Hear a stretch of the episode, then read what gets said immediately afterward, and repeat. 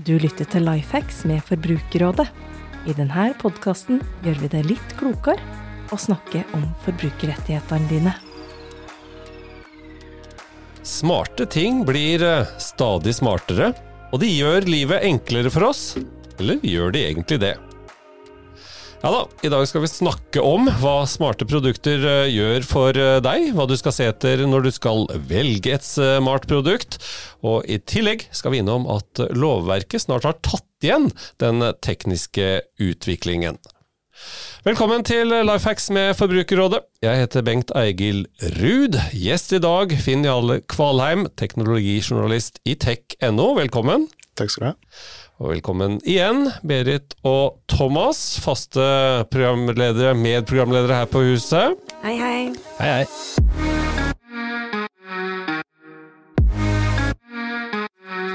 Ja, det er mye rundt oss som har blitt eh, smart, og som gjør mange ting enklere for oss. Smarte produkter, som regel tilkobla internett, gir ekstrafunksjoner som såkalte dumme produkter ikke har. Og Finn eh, Jale Kvalheim eh, med oss eh, fra tech.no nå, tidligere A-mobil, og har solgt elektronikk og jobba med elektronikk i, i, mange år, etter at du studerte medievitenskap på Universitetet i Bergen. Har du noe favorittdings, favoritt-smart-ting som vi kan starte med? Nei, altså jeg har jo blitt glad i uh, Sonos-systemet hjemme, da, som uh, flytter podkast og musikk rundt omkring i huset alt ettersom jeg trenger. Og så har jeg fått kobla til en platespiller, og da, da, er jeg ganske fornøyd. Da er det både litt gammeldags og litt smart. ja. Hvor, hvor, smart er Sonosen din? Funker den alltid og gjør uh, de tinga som du tenker at den skal gjøre, og som du vil? Det meste av tida. For noen ganger så kan man fortelle Google at skru av eller på musikken, og andre ganger så kan du bare si det, og så skjer det det ingenting. så litt opp og ned. Ja, så vi kan allerede slå fast selv smarte ting vi er glad i, er ikke alltid så smarte som vi tenker at de burde være. Nei, det er vel bortimot aldri perfekt. Nei. Thomas og Berit, da, er det noen favorittsmarte smarte ting?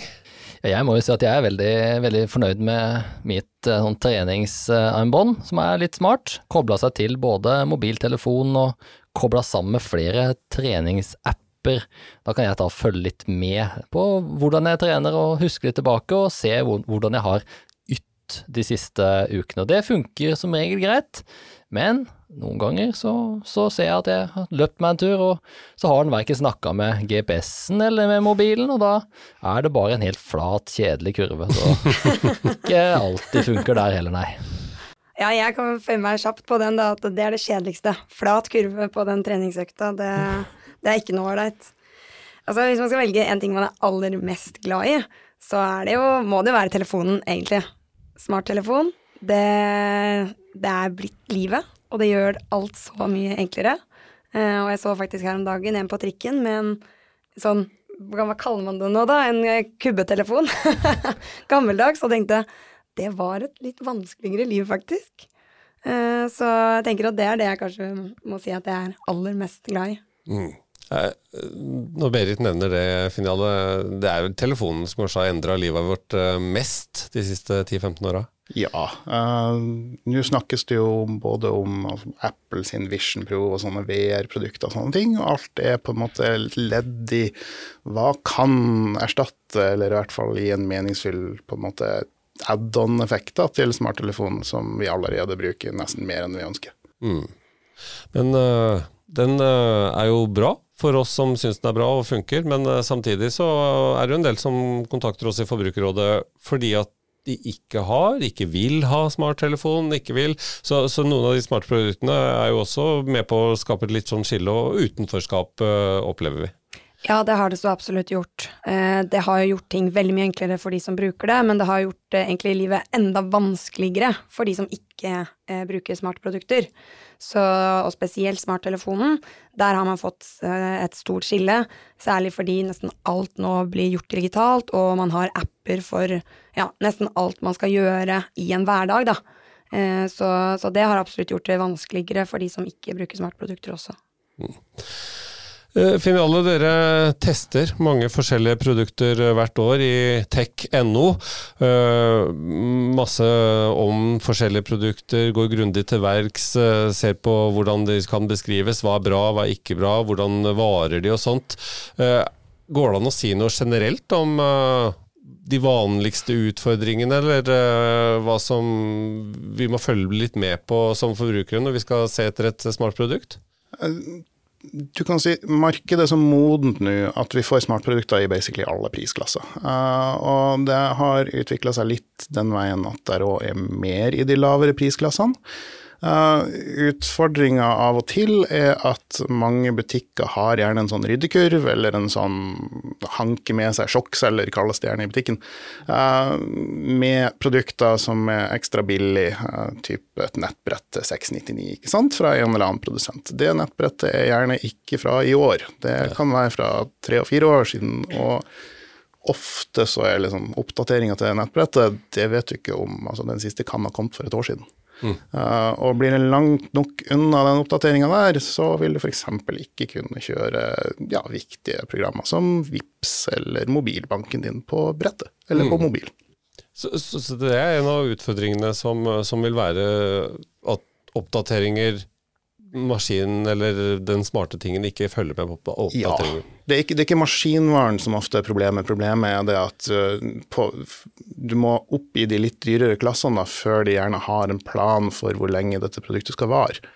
Uh, I de rimeligste prisklassene så er det gjerne litt sånn slipp og glem det, og så går man videre til neste produkt. Uh, og, og et smart produkt i dag er jo nærmest definert ved at software er en fryktelig viktig del av hele produktet. Og uten den softwaren så, så dauer det, rett og slett. Mm. Så det må, må være på plass. Og, og ofte så er jo disse smarte tilkobla produktene avhengig av eksterne servere for å, servere for å yte sitt eh, beste. Uh, nå var finalen innom eh, Sonos her for litt siden, uh, Thomas. Det har du vært også, for uh, de vurderte å slå av serveren på de gamle høyttalerne, og da sa du at det var vilje og ikke evne det står på. Det var kanskje til Finiale, var det til Tech.no den gangen, som eh, du sa da. Er det fortsatt noe du mener? Ja, det, det mener jeg fortsatt, og, og det var jo til, til tech.no den saken, saken var. Handla om eh, at eh, en del Sonos-høyttalere egentlig i praksis kom til å slutte å fungere som forutsatt, ved at eh, du må innom en, eh, en, i praksis innom en nettside, i hvert fall gjennom, via, via appen, da, for å kunne strømme musikk rett til høyttaleren din. da. Og, og når de da kutter den tilgangen, ja da er høyttaleren egentlig bare noen, noen fine bokstøtter som står, står i hylla di. Og det sto ikke på maskinvaren. Høyttalerne fungerte kjempefint, og alt fungerte greit. Det var spørsmål om å vedlikeholde eh, tjenestene bak. Og da snudde jo heldigvis Sonos eh, på det etter hvert, og de høyttalerne fungerer eh, fortsatt. Og det er veldig bra, for det er jo et eh, åpenbart miljøaspekt også i det, at eh, fullt fungerende produkter i praksis må enten altså gjenvinnes eller bare kasseres, rett og slett, fordi de ikke har de software-oppdateringene som skal til. Ja, og det er jo noe som også er veldig viktig for de som kjøper disse produktene. Miljøperspektivet, så absolutt, men også det at du, du har kjøpt en ting, og så vet du ikke egentlig hvor lenge den kan vare. Eh, bare av det som egentlig er inni eh, det som driver den, som man ville se på da, som noe som egentlig enkelt kunne holdes oppdatert. Eh, og mange ser også på dette med telefoner, særlig med et sikkerhetsoppdateringer, hvor man da må begynne å være usikker på men er telefonen da sikker å bruke, eller er den ikke det, når, når plutselig dette slutter å fungere eh, etter noen år, da. Eh, og hvis du da ikke nødvendigvis kjøper det nyeste produktet på markedet, da, men kjøper en modell som er et par år gammel, så vet du ikke egentlig om, om det er noe som vil være verken trygt å bruke, eller kan brukes da, bare om noen år. Mm. Er dette noe produsentene er opptatt av, Finale, på ting som dere får? At det, de ser et langt perspektiv, og at uh, oppdateringer skal være tilgjengelig eh, for mer enn disse to-tre åra, som mange av oss syns er litt lite? Noen av dem er det. Um, og det er en stadig større bevissthet på de modneste produktene, vil jeg vel si. Mm. Uh, og så kan vi jo kanskje nevne også at Sonos EU har jo liksom rydda litt opp, sånn at jeg tror kanskje ikke de gjør akkurat den med det samme igjen. Uh, men uh, på, på mobiler så er det nå blitt Det har vært de siste tre årene, vel, så har Android-produsenter stort sett plussa på et år, omtrent fra tidligere oppdateringsplaner år for år. sånn at nå har de beste der har fem års plan for, for telefonen fra den slippes. Um, Apple har, til tross for mye kritikk på andre ting, uh, vært ganske god på dette ganske lenge. Så de har gjerne fem og opptil sju år på noen produkter varighet med, med software. Da. Ja.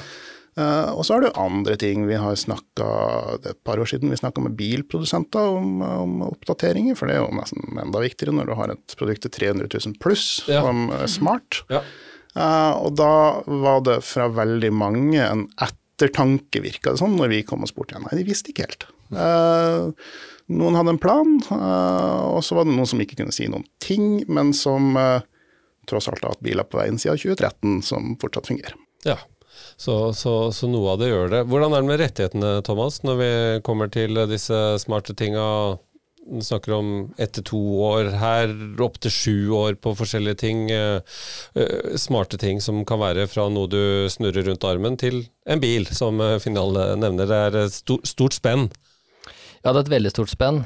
Og nå er det sånn at vi snart har kommet helt i mål med en ny forbrukerkjøpslov, eller en stor revisjon av forbrukerkjøpsloven, som da bringer den, eh, det regelverket inn i egentlig dette årtusenet, for å si det litt enkelt.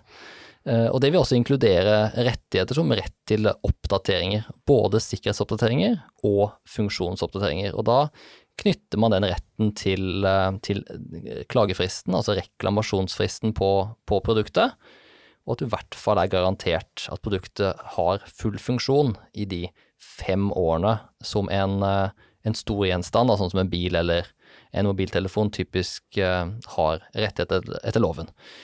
Og når det gjelder de aller dyreste tingene, sånn som f.eks. biler, så har jo en del av de også enkeltmerker, i hvert fall, da, garantier som er enda lengre, som også vil omfatte eh, oppdateringer, da. Det kan jo også være greit å nevne uh, vi har fått en ny lov i uh, januar i år som går på rene digitale ytelser, for det er mange ganger du kjøper noe ekstra til den smarte uh, produktet ditt. Du kjører laster ned en app som du betaler for, eller du kjøper en tilleggstjeneste til bilen din til og med, kanskje, og laster ned til bilen. Mm. Da har du egne regler for det, som er ganske like de som kommer inn i forbrukerkjøpslov. Så her du, begynner du å få ganske gode og moderne rettigheter Eh, på det digitale feltet. Så der er vi innafor når jeg antyda at eh, lovverket er i ferd med å ta igjen utviklinga? Det er i ferd med å ta igjen utviklinga, men lovverket vil aldri ta igjen utviklinga helt. Så målet er at lovgivninga må være så robust at det takler en del teknologisk utvikling før det trenger revisjon. Og det siste vi nå egentlig venter på, er en helhetlig regulering av kunstig intelligens, som EU nå jobber med men som eh, Forbrukerrådet har eh, vært inne på i en ganske fersk rapport, så er det sånn at mye av eksisterende lovgivning også kan brukes på dette med kunstig intelligens. Hvordan eh, kommer den kunstige intelligensen inn i produktene som dere tester, Finale? Det er jo liksom det nye med en rivende utvikling. Ja, det er litt sånn både òg, for du, den har vært der på sett og vis lenge. men ikke på den måten vi tenker på den akkurat nå, for jeg tror 90% av oss som leser litt aviser om dagen, vi har tenkt på det som chat-GPT. ikke sant? Um, men det, ligger, det, har vært egne prosesser, egen maskinvare inne i nesten alle nyere telefoner for kunstig intelligens og, og maskinlæring og slike ting. Um, og selv om den ikke snakker til deg eller kan skrive stilen for deg, så kan den gjøre bildet ditt bedre når du tar, uh, tar foto med telefonen din. Sånn at, at telefoner i dag er sånn halvveis på linje med et dedikert kamera, skyldes jo uh, kunstig intelligens. Mm. Um, når det er stille, hvis du går rundt i bygata og snakker i telefonen mens trafikken uler rundt deg, så er antageligvis kunstig intelligens involvert i det også. Den kan være involvert i å hjelpe dem å taste beskjeder. Så det er masse greier som ligger under, eh, under overflata, som holder styr på batteritid og alt mulig. Men fordi at det ikke liksom presenterer seg og sier 'hei, jeg heter ChatGPT nå har jeg skrevet stil for deg', så, så, tenker ikke folk på det helt som det samme.